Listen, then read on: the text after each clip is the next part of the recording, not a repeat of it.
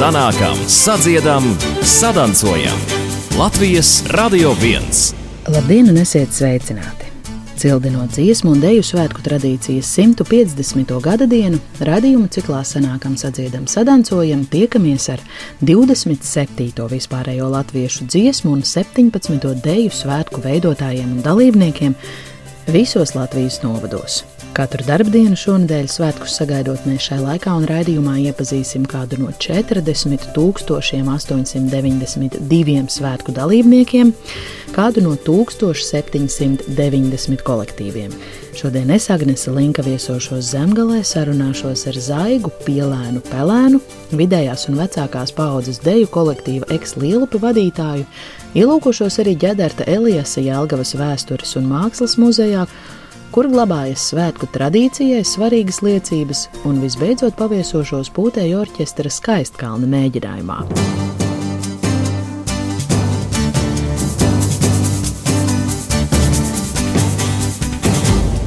Tie ir cilvēki, kas mīl kopā būšanu un fiziskas aktivitātes, kur nopietna attieksme pret deju, mijas ar labiem jokiem, kopā tiek svinēti svētki, esam kā liela saime. Tā savu deju kolektīvu eks lielupi, kur agrāk pati dejojusi, bet nu to vada raksturo zaiga pielēna pelēna. Eks lielupē darbojas dejotāji ar 30 un 40 gadu stāžu, bet kolektīvs ir salīdzinoši jauns. Septembrī svinēs savu desmito pastāvēšanas gada dienu, zaiga stāsta. Pati dejot sākusi jau bērnībā un savus pirmos dziesmu un dēļu svētkus kā dalībniece pieredzējusi pirms apaļiem 50 gadiem.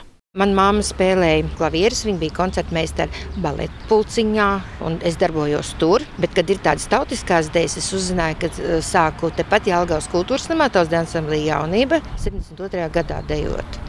Un man pirmie dziesmas svētki bija 73. gadā. Tie bija lieli svētki, sporta pilī, ārkārtīgi skaists koncerts. Varbūt man tikai likās, ka viņš ir ārkārtīgi skaists, jo man tie bija pirmie svētki. Ja? Kopš tiem svētkiem es esmu izlaidusi tikai vienus dziesmu svētkus, ģimenes apstākļu dēļ, jo bērni nāk pasaulē, un tā nevar padējot. Bet uh, tad mēs bijām jauniešu tautsdienas, tad mēs bijām vidējie, tagad es esmu jau vadītāji. Tad vairs nesanāk tā savienot ar dejošanu. Vienus svētkus es sēdēju tribīnēs skaisti. Protams, nenoliedzoši iespaidīgi, bet emocijas, tās, ko izbauda dejotāji uz laukuma, to nevar ne izstāstīt, ne nodot. Tas ir jāizjūt. Jūs esat savu dzīves biedru arī tautas dejā satikusi. Jā, tā mēdz gadīties. Ja tu nodarbojies ar, es domāju, vienalga sports, dziesmas, dēļas, tu pavadi daudz laika tajā pašdarbībā. Nu, tie cilvēki satuvinās, un nu, tā arī atrodas. Jā. Un ņemot vērā bērnus, ja, kad viņi pieņem to par normu lielākoties, dejošana ir dzīves norma vai dziedāšana ir dzīves norma, un viņi arī turpat iesaistās. Tā izveidojās tās paudzes, dejotāji, dziedātāji, droši vien arī sportisti. Tad ar vīru abi vēl dejojat joprojām? Vīrs dejo, es tagad viņu vadu, es viņam tagad mācu. Ar visiem tiem dejotājiem, kas tagad dejo ekslielupē, es esmu pavadījusi kopā ļoti ilgus laikus. Mēs ļoti labi saprotamies, mēs saprotam, kad ir dēja, kad ir darbs. To, ka no malas viss ir labāk redzams, ka iekšpusē tas izskatās savādāk. No sākuma, kad izveidojās ekslielupas sastāvs, es vēl dejoju aktīvi. Šo sastāvu vadīja Elīna Gavrilova, kad es sāku vadīt tekstu lielu, tad es sapratu, ka pati padējot jau no es vairs nevaru. Nu, to nevar savienot vienkārši. Kas ir tas, ko jūs ikdienā darāt? Ikdienā mans eh, tiešais darbs ir saistīts ar medicīnu. Dejošana, deju vadīšana, tas ir mans hobijs. Nu, ilgus gadus jau. Jūsu bērni arī kļuva par dejotājiem? Viņi ir dejojuši. Viņi gan sāka ar sporta dejām skolā. Jaunākais ir dejojis daudz ansamblī Līgo, vecākais tepat Lielupē kā man dēls teica, tā, es vienreiz gribu izjust, kā tas ir sadoties rociņās un visi kolektīvi doties laukumā. Jo sporta dēļas ir individuāls sporta veids, bet tautiskās dēļas tas ir kolektīvs. Ar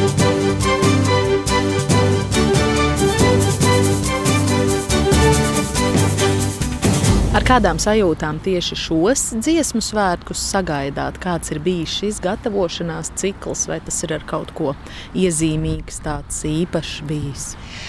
Ir iezīmīgs ar to, ka mēs divus gadus bijām saucamajā dīkstāvē. izdomājām visu, ko vispār ir iespējams, lai, lai kaut kā saglabātu kolektīvu. Un tad, kad no mums ļāva atkal dejot, tad laikam tas dejošanas prieks bija tik spēcīgs. Kad nu, dejotāji ļoti atraisījās. Laiks bija maz, bet dejotāji tiešām izdarīja ļoti daudz un bijām sagatavojušies. Un es domāju, ka visas Latvijas dejotāji darīja visu, ko spēja un bija sagatavojušies. Jo dziesmas svētki ir tas brīdis, ko dejotāji ļoti gaida. Un es pat nevaru pateikt, vai gaida tos koncertus tik daudz, cik tos mēģinājumu procesus un kā tas notiek dziesmas svētkos. Jo tad mēs kopumā uz laukuma redzam, cik mēs esam daudz un kāda mēs esam varens spēks. Varbūt jums ir arī kādi vērojumi par to, kā dziesmu svētki, deju svētki gadu gaitā mainās. Kā nekā jūs sakat, jūsu pirmie deju svētki ir 73. gadā nodejot, tad šogad Ah. Jūs svinat tādu apaļu pusgadsimta jubileju, esot šai kustībā 50 gadus dziesmu svētkos. Es to pat nebiju sarēķinājusi. Jo ir kārtējie dziesmu svētki un atkal ejam uz priekšu. Nav daudz laika filozofēt. Jā, pirmie dziesmu svētki man palikuši atmiņā ar tādu. Tur bija tā sporta pilī koncerts, un tur bija tādas buru laivas, un mums zvejnieku meiteņu dēja un ar tādām atrakcijām viss. Pēc tam jau nāca tāds laiks, kad dziesmu svētkos bija tās citautu dejas, kuras mēs starp citu ar lielu azartu dejojām. Tad atkal dziesmu svētki mainījās, un mēs aizgājām atpakaļ pie etnogrāfijas. Un ļoti emocionāli bija tie dziesmu svētki, kad pirmo reizi piedalījās ārzemju latviešu kopas. Ļoti emocionāli tie bija. Un tad atkal sākās veidojam tos lielus uzvedumus. Ja, tad repertuārs ir speciāli tiem lielu uzvedumiem. Un tas arī, protams, ir liels darbs. Tajā pirmajā brīdī pat varbūt nesaprot, kā tas viss izskatīsies. Ja? Tā kā nu, redzēsim, kāds būs mūžīgais zinējs, bet noteikti būs ļoti smags, jo mums ļoti patīk tās idejas, kas mums šajos Ziemassvētkos ir jādejo. Es zinu, ka daudziem dejotājiem nu, katram ir kaut kādas tādas savas mīļākās idejas. Jums ir arī kaut kas īpaši sirdī tuvs. Katram periodam ir savas mīļākās idejas. Tā nevar pateikt, ka man ir viena mīļākā ideja. Man no jaunības ir atmiņā zemerība tautas jāja. Man ļoti tā dēļa patika. Tad bija spēlēja manu spēli, manīt, man ļoti patīk. Tad no pēdējiem laikiem man, man ļoti patīk runu raksti. Vispār viņa ir grūta un gara dēļa. Bet man viņa ļoti patīk. Un tagad no patreizējā ekssastāva repertuāra Man laikam ir jāpiemina mūsu zemgales deju ķēniņa deja klapdancis. Tā nu ir laikam deju deja. Mēs viņu dejojam Es nezinu, cik gadus, bet mēs dejojam ar lielu prieku. Kā es saku saviem dejotājiem, mēs varam viņu naktas vidū nodejot. Un arī, ja mēs esam veduši kaut kur uz ārzemēm to deju, ārzemniekiem viņi ļoti patīk. Tā nu laikam ir tā interesantākā. Mēs gaidām lielu notikumu, lielus svētkus, kurā būs jāiegulda grūts darbs, kamēr to visu dabū gatavu. Bet vienalga mēs gaidām ar prieku to visu. Šis ir redzējums senākam sadziedam, sadancojam, un šajā dziesmu svētku ieskandināšanas nedēļā mēs kopīgi apceļojam visus Latvijas novadus, lai katrā rastu kādu īpašu svētku stāstu. Tā, piemēram, interesantus, pat pārsteidzošus faktus un liecības par dziesmu svētku vēsturi glabā ģedarta Eliasa Jelgavas vēstures un mākslas muzejs jo 1895. gada jūnijā Jēlgavā notika vienīgie vispārējie latviešu dziesmu svētki, kas jau kad noritējuši ārpus Rīgas. Tos rīkoja Jēlgavas Latviešu biedrība, rīcības komitejas priekšgalā advokāts vēlākais Latvijas Republikas pirmais prezidents Jānis Čakste. Šis notikums cieši saistīts ne tikai ar dziesmu svētku vēsturi, bet arī nacionālās atmodas procesiem, stāsta ģedēta Elijas Jēlgavas vēstures un mākslas muzeja galvenais krājuma glabātājs vadītājs Aldis Barševskis. Toreiz eh, Cariskajā Krievijā bija jāsagaida nu, tā kā simts gadu jubileja, kopš kurzemes zemgāles hercogists un piltens apgabals tika pievienots Krievijas impērijai. Tie gadi, kad notika šie svētki, 90. īpaši 19. gadsimtā iezīmējās ar spēcīgu rusifikāciju, un, protams, valdīja cenzūra un visam vajadzēja atļaujas, bet mūsu latviešu biedrības darbinieki, īpaši Jānis Čakste un citi bisinieki un vairāk, kas bija organizācijas komitejā, ļoti saprātīgi nolēma, ka jāizmanto šis oficiālais politisks būtiskākais notikums, lai panāktu arī kaut kādas latviešu kultūrālās norises, un šie oficiālās gaisotnes aizsargā varētu sarīkot kurzemē kā toreiz teica par zemgālu un kurzem kopā, ja, kārtīgus, lielus, grandiozus dziesmu svētkus, kā pirms tam jau bija bijuši trīs Rīgā. Cilvēki bija iedvesmojušies, un ar katru gadu kāpināti tika gan dalībnieku skaits, gan repertuārs, gan klausītāji, skatītāji. Un saulēcīgi apmēram gadu iepriekš bija jāatdabūna atļauja, kuru sākumā deva, pēc tam atcēla, bet nu, pats Jānis Čakste devās uz Pēterburgu un panāca atļaušanu kā mēs Jālgājas muzejā mēdzam teikt, daudz kas mūsu pilsētā ir noticis pirmo reizi. Un Latvijas vēsturē tā skaitā. Tad lūk, pirmo reizi arī šajos dziesmu svētkos kopkoru izpildījumā tika dziedāta mūsu tautas lūkšana, tagad himna Dievs svētī Latviju. Nu, toreiz bija jāsaka Baltija, Dievs svētī Baltiju. Un daudz citi pirmatskaņojumi. Kopumā jāsaka, bija gan dziesmu svētki, gan liela lauksaimniecības un rūpniecības izstāde, gan arī teātrāļi dabūja izpausties proti Jālgaukā, Adolfa Alnāna pilsētā Bija ļoti daudz teātris izrādes, tā skaitā pirmizrādes, daudzu autoru. Nu, vispār Latvijas inteliģents varēja pamatīgi celt priekšā publikai ļoti nozīmīgus mākslas un literāros darbus, dramaturgiskos darbus, un, un ne tikai. Pats gājiens, pati gatavošanās, eh, saviņoja pilsētu, tuvējos novadus un Jālgavu kā nu, toreiz viņā Rīgas sacentās savā ziņā gan kā kultūrāli centrs, gan kā izglītības centrs. Faktiski līdz tam, līdz apmēram 19. gadsimta vidum vai 860. mēs varam teikt, ka Jāgo bija priekšā. Piemēram, bieži piemin, ka Konstantīna Pēkšana projektētā dziesmu svētku izstrāde un kopumā tas komplekss toreiz gadījās, ka ir lielākais pasaulē koka celtne. Tas ir viens. Nu, piedalījās apmēram 125 kori kaut kur 3000 dziedātāju dalībnieki. Nu, un skatītāji 25,000. Jo ap to laiku Jālgavā dzīvoja nu, ap 25,000. Tas būtu, ka visi Jālgavas iedzīvotāji būtu aizgājuši skatīties. Tā droši vien arī bija lielā mērā. Pirmo reizi arī tika droši aicināti citu tautību pārstāvji, arī vācu baltieši, kuri faktiski boikotēja un nepiedalījās ar savām biedrībām. Taču Čakste, tālredzīgs politiķis un vispār gudrs cilvēks, būdams no sirds aicināja ņemt līdzdalību, kā toreiz teikt, visu kurzemes kārtu iedzīvotājus. Bet bija pretestība un, zinām, nevēlēšanās, un tad sanāca, ka tie bija vairāk latviešu svētki. Kaut arī piedalījās pārstāvi no Krievijas un, un un citām vietām. Bija sešas galvenās balvas, tur bija ļoti liela teritorija, kaut kur pie divi hektāri. Arī tas, ka dziesmu svētki nesa zaudējumus pateicoties milzīgām lietus gāzēm un sliktiem laika apstākļiem, kur Pat Čakstas kungs no savas naudas personīgi bija ziedojis kaut kur pie 6000 zelta rubļiem. Jo vajadzēja steigšus pārklāt ar papi un citiem materiāliem jumtu, lai nesalītu visi dziedāt, dziedātāji un klausītāji. Tas bija tāds arī lielā mērā viena cilvēka iniciatīvas, nu, teiksim, paraugu demonstrējums, ko var panākt ļoti uzņēmīgs cilvēks. Protams, tam bija vajadzīgi līdzekļi, viņš bija turīgs cilvēks, bet eh, arī orka komiteja un visi eh, iesaistītie ļaudis. Latvieši parādīja, ka viņi var to izdarīt, un eh, Vācu balti diezgan brīnījās par to. Un, protams, tas cēla tautas pašapziņu faktiski bija liels politisks solis tautas kultūrālā un politiskā nosacītā, ja? neoficiāla vienotībā, kas eh, ilgi pēc tam atbalsojās, jau nepavēlti mēs vēl tagad to visu atceramies. Nu, otrais to nav izdevies Jālgavai atkārtot 1995. gadā par godu. Šo svētku simtgadu atcerē rīkojām atsevišķu savus vēl, kad bija izbūvēta liela estrāde pretī Jāgaunas pilī arī bija pamatīgs tāds gan gājiens, gan koncerts. Tā kā nu, divreiz tāds ir nosvinēts vēstures eh, šajā plūdumā.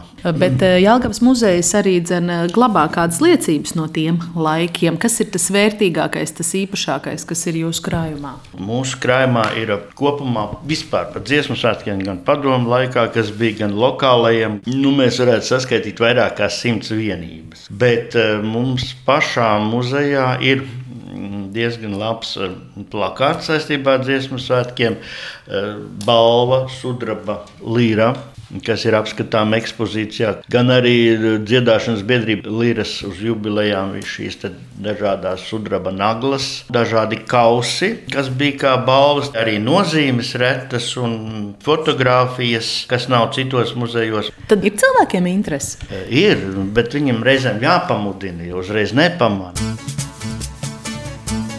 Tātad uzskatiet, ka nu esat pamudināti Jelgavā piestājot iemest aci ģedertelijas Jelgavas vēstures un mākslas muzejā, kur glabājas Jelgavā notikušo 4. vispārējo latviešu dziesmu un mūzikas svētku plakāts un sudraba līra, ko balvā līdz ar pirmo godalgu dziesmu karā saņēma koris līra.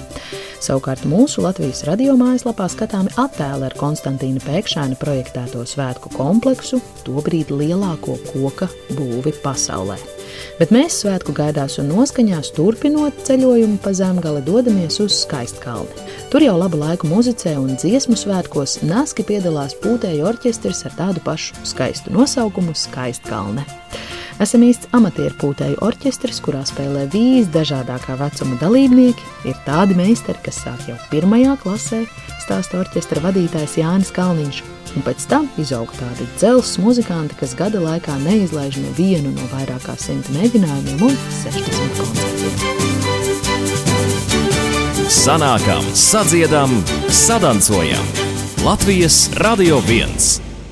Kā tik kaut cik nebūtu iemācījies spēlēt, tā tūlīt es viņu stiepu pārā iekšā, jeb kolektīvā, un ir jāspēlē. Nu, Varbūt viņš pirmajā dienā neko nenospēlē, otrajā dienā reizē arī neko, bet pamazām ar laiku viņš kļūst par pamatmuzikantu. Būtībā te paudžu paudzēm mēs spēlējam. Bija muzikanti, kuriem bija vecāki spēlējuši, vecvecāki spēlējuši, un bija brāļi, māsas un brālēnu māsītes ļoti daudz bija. Tas pats interesantākais laikam, bija tas, ka mums bija lauka iela 14 muzikanti no vienas ielas nāca. Nu, Pagaidām, paga, jūs pieminat vecākus un vecvecākus, bet putēju orķestris šogad, 23. gada 23.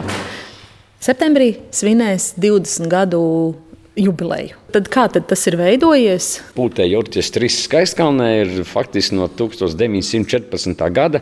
Visu laiku ir kaut kāda raga mūzika ir skanējusi. Vienmēr muzikanti ir bijuši. Un pirms tam bija Pūtēji orķestris Rūči. Rudolfs Čipens viņu vadīja skolēnu, pūtēji orķestris. Es skolā strādāju, pats arī spēlēju. Man dēli, visi trīs dēli un jaunākā meita spēlēja arī tur. Vienīgi vecākā meita nav spēlējusi nekad. Pārējie visi ir spēlējuši un spēlē vēl tagad. Un tas kolektīvs beidz pastāvēt. Un tagad nāk nākamie dziesmu svētki skolēni. Un es tur čīkstu mājās, eh, kaut kā vajadzētu, kaut ko nē. Vecākais dēls saka, tā, nu, klausies, cik ilgi tur tarkšķies, ķeries klāt un dari. Nu, arī sākās. 2003. gadā sākām, un 5. gadā man liekas, ka mēs jau braucām uz dziesmu svētku.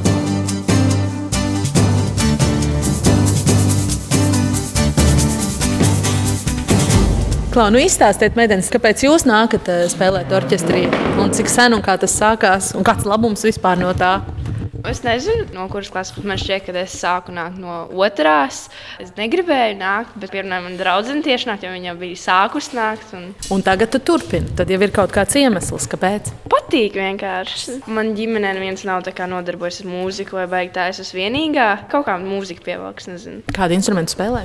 Es spēlēju klarnetu. Tu esi tā pierunātāja, ja? kas uzaicināja draudzeni. Jā, es esmu tā pierunātāja. Jo visi tā ļoti draudzīgi un viens no atstumts. Un tāpēc arī aicinu cilvēkus, lai lai nāk un lai mēģina. Kādu instrumentu spēlē? Flauta. Kāpēc jūs spēlējat orķestrī? Man patīk spēlēt saksofonu. Nu, faktiski līdzīgi iemesli. Nav ko sūdzēties. Ļoti patīk. Mm. Cik jums šobrīd pašiem ir gadi? Man 14. Man 17. Parasti šajā vecumā puišiem uznāk, nu, nezinu, tur vairāk sports vai datorspēles vai kaut kas tāds. Ko tur saksofons priekš kam nav tādas sajūtas? Uh, nē, man patīk spēlēt. Vienmēr var atrast laiku un motivāciju. Jā, jāsagādā sev tas laiks un tā motivācija, un tad viss, viss aizies. Kādu instrumentu jūs pārstāvat? Abas? Altu. Viena lielāka altista, viena drusku mazāka. Cik sen tu jau darbojies orķestrī? Es no 5. klases 8. gads šis ir. Kā ir ar tevi? Tu esi pavisam maza altista, bet arī jau pa vidu visiem lielajiem. Kā tu te jūties vispār? Labi. Kas te ir labi? Forši ir spēlēt instrumentu. Pirmo gadu, jā? Ja? Jā. Kā tu nonāci orķestrī? Es atnācu uz jaunu skolu, un es pamanīju kaut ko jaunu. Es arī eju mūzikas skolā. Kādu instrumentu? Eifonija. Eifonija. Kāpēc tev patīk muzicēt un muzicēt tieši pūtai orķestrī? Mēģinājumi, jo mēģinājumos nekad nebūs garlaicīgi, kā arī visas uzstāšanās. Uzstāšanās laikā cilvēki uz tevi skatās tā kā tu būtu kaut kas neparasts. Klau, un vai tu iztēlojies, kā tas būs dziesmu svētkos, piedalīties, būt iesaistītam visā? Es to varu iztēloties. Mēģinājumi, kur tu nedrīkstēsi kavēt, kur viss būs salikts pa minūtēm, kā arī gājiens, kad tu iesāksi dziesmu svētkus. Apņemšanās nopietni pieiet tai lietai. Ja? Kā ir ar tevi? Kā tu esi šeit nonākusi un kāpēc muzicē? Vispār jau mamma piespieda. Sāk no pirmās klases iet, es eju jau kādus 13, 14 gadus. Bet nu, pirmie trīs gadi bija raustīti, jo mamma parasti veda līdz kāpnītēm, ko šeit var redzēt pa durvīm ārā un smuku. Es negāju uz mēģinājumiem. Es spēlēju eifoniju arī. Ir neizsakām daudz atmiņas un emocijas un visi koncerti, izbraucieni. Mēs bieži arī braucām agrāk kaut kur palikt pa nakti ekskursijās. Daudz kas piedzīvots. Sākumā spēlēju flautu, bet jā, to es nevarēju spēlēt, tāpēc man bija problēmas un man bija epilepsija. Un, jā, to kaut kā patiesībā instruments arī atrisināja. Kā tu teiktu, kur slēpjas tā dziesmu svētku garša, tas prieks un saviņojums? Kāpēc visi to tik ļoti gaida? Tāpēc, kad tās ir milzīgas emocijas, kad uh, visi cilvēki satiekas vienu vietu kopā, dzied vienu dziesmu, līgsmu. Un, un, un tas tiešām ir ļoti skaisti. Kad tu kopā satiec līdzīgi domājošus cilvēkus. Nu, kam arī saista tā pati mūzika, tas pats orķestris. Nu, tas nav tas pats, kas dziedāt vai dejot. Tas ir kaut kā bijis savādāk, spēlēt instrumentu. Un tas, ka tu vari parādīt varbūt citiem, cik ilgi tu esi mācījies un līdz savus spēkus lietā, lai tajā vienā dienā to visu izlikt ārā. Tad atliek novēlēt, izbaudīt. Kā tu esi nonākusi šeit? Es esmu šeit no pirmās klases, un uh, vienā dienā mums bija kora koncerts. Jānis pagāja pie skolotājas Sanmītas Zariņš un pajautāja viņai, parādi man, kur kā, kaut ko saprot no mūzikas. un uh, Jānis aicināja uz mēģinājumu, nāk, lai pamēģinu. Es sāku spēlēt ar altu, pārgāju uz altu saksofonu, un tad beigās tagad es spēlēju tenoru saksofonu. Ar katru strādāju gan individuāli, gan arī, jā, kā viņš teica, meta mūs visus vienā barā, lai spēlējam. Jānis visu iemācīja mums. Tu neesi šodien mēģinājumā viena. Tu esi atnākusi kopā ar kādu. Jā, esmu atnākusi ar savu mazo meitiņu Melisu. Cik Melis ir veca? Melisai ir- būs četri mēneši. Un, mm. Šos dziesmu svētkus es arī negribēju palaist garām. Es, es arī neatlaidīgi nācu uz mēģinājumiem, kā varēju, un piedalījos skatēs, kā varēju. Mamma man ļoti palīdzēja, pieskatīja mazo. Principā man viss palīdz ģimene, draugi.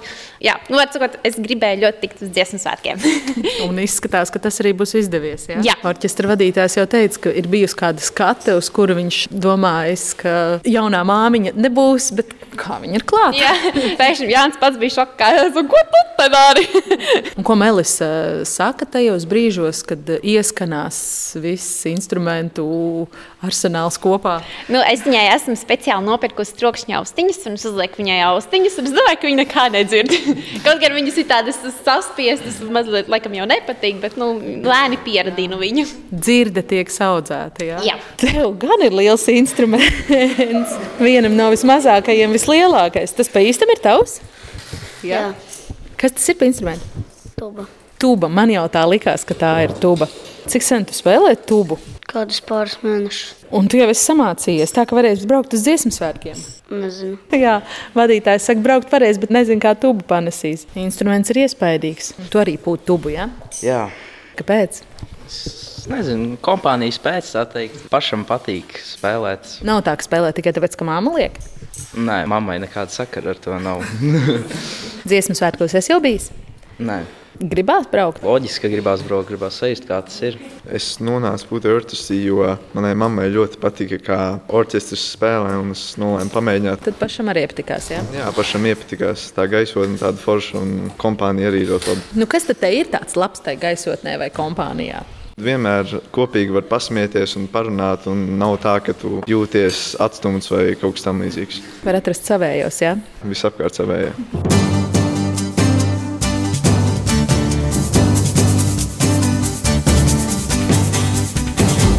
Es tagad esmu situma instrumentu grupā, jā? Te ir daudz visa kā.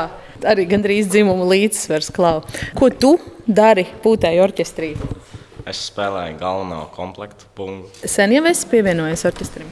12 gadus. Jā. Mm. Jā, pirms pirmās klases vasarā sāku. Māma lika, kā tie ieskrējās. Nē, es pats izdomāju, es atceros, man bija kaut kādi pieci gadi. Es jau tad gribēju spēlēt, bet mamma vēl neļāva. Tad tos divus gadus paaugos un pirms pirmās klases sāku. Uzreiz jau ar bungām. Jā. Man vecvectēvs spēlēja bungas, iespējams, tas kaut kas gēnos. Es nezinu, vai tas var iedzimt, tas, kad patīk spēlēt bungas, bet jā, varbūt kaut kas tur saistīts ir. Tev ir arī kādi dziesmu svētki jau pieredzēti? Jā, es esmu bijis divos, un šie būs trešie. Kādas atmiņas? Nu, negulētas naktis. Diezgan forši bija. Jā. Nogurums, protams, bet patīkams nogurums. Lepnums arī pārstāvēt savu pagastu mm. ciematu. Manos pirmajos dziesmu svētkos man bija septiņi gadi. Bija jāiet gājienā, un viens no vecajiem bundzniekiem man ieteica, ka, lai vieglāk iet gājienā, velc biks otrādi. es to tā kā sāku jau darīt. Ja? Tad man vispār ieteica, nu, ka tas ir joks, bet es to pavisam nopietni uztvēru. tā kā spēlēt uz tās lielās skatuves, pilnīgi skudriņas skrien pār kauliem un ļoti forši sajūta. Nu, tas sajūta ir fantastiski, ka te ir brīvības iela un tur rakstīts priekšā puķa orķestris skaiskā un tur redz visu Latviju un Kanādu un Ameriku. Tā kā, nu, tas, tā. tas ir tas, kas tiešām viņus mm, paceļ tur vienos pārno un vēl liek četras gadus pēc tam nākt uz mēģinājumiem. Tas, tas gājums pat brīvības ielu. Un otrs, nu, es domāju, ka arī pūtējoties ar kopu koncertā, ka mēs visi spēlējam vienu skaņdarbu, tas arī ir spēks. Tas arī ir spēks. Man liekas, ka jūs jau sākāt atbildēt uz manu jautājumu, kas ir tas, kas jā, tādus jaunus cilvēkus te regulāri atved. Tā lielākā problēma ir tā, ka viņiem saka, tu nejūties šeit kā skolā, tu esi darba kolektīvā. Te ir darbs. Te ir darbs. No tās flautas ir atkarīgs. Ja viņi nospēlēs savu balsi, skanējums no visām klarnetēm, no jebkura instrumenta kopskanējums ir atkarīgs no katra personīgi. Tā ir tava līdzatbildība un tas ir darbs. Tu nāc uz mēģinājumu kā uz darbu. Iekšējā kārtība, kas mums šeit ir, kādas mēs šeit dumības runājam, ko darām, tas ir mūsu. Tas ir mūsu, tas pat mammai no jāzina. Kas notiek šeit, tas Jā, paliek šeit. šeit tas paliek šeit. bija vieni svētki, nu, ļoti aktīvi bija divi muzikanti, saksofonists un flautists. Viņiem ļoti gribējās mūs visus tur izkrāsot, apzīmēt, naktīs zopas, iespiest ausīs un degunā un visur, kur šiverējās, šiverējās, šiverējās un izdodas ar viņiem. Bet tagad dziesmu svētki beigušies, gājiens ir noiets, jāplaid vakariņas un tad jābrauc uz lielu vestrodas noslēguma koncertu. Un tie abi divi varoņi, kas visu nedēļu dežūrēja brīvprātīgi nomodā, bija viņiem aizmiega. Tajā jūs būtu redzējuši, kādus mēs viņus uztaisījām. Pēc tam pamodinām, un viņi skatās viens uz otru un brīnās. Mēs viņam atspēlējāmies pa visu nedēļu. Tur varēja katrs uzzīmēt, ko gribēja. Un izdarīja arī. Nu, ja mēs spēlētu visu laiku tikai umpapā, umpapā, es domāju, ka nu, nenāktu ar neviens. Šobrīd jebko. Mūsu repertuārā ir gan Renāra Kaupera, gan Līvu dziesmas, gan Ķiģeļa, gan Raimonda Paula. Un...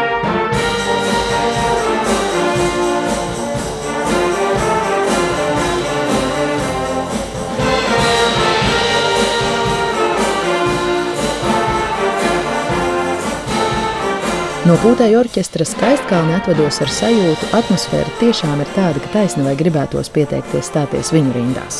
Šajos svētkos gan atliks tikai klausīties un skatīties, bet atgādināšu, šonadēļ tiekamies ik darba dienu pulksten 12.30, lai katrā no Latvijas novadiem rastu kādu īpašu svētku stāstu. Satiktu dažus no 27. vispārējo latviešu dziesmu un 17. deju svētku veidotājiem un dalībniekiem, kolektīviem vai palūkotos svētku vēstures lapusēs. Visus sanākam, sadziedam, sadancojam raidījumus pēc to izskanēšanas Latvijas radio viens ēterā ir iespējams noklausīties arī mūsu mobilajā lietotnē, raidierakstu platformās un arhīvā. Kopā būt kopā just, tāds ir šo dziesmu svētku sauklis, un ar to arī no jums šodien atvadās raidījums sanākam, sadziedam, sadancojam. Tā autoris Agnese Linka un Nora Mitspapa, producente Liena Vimba. Uz sadzirdēšanos!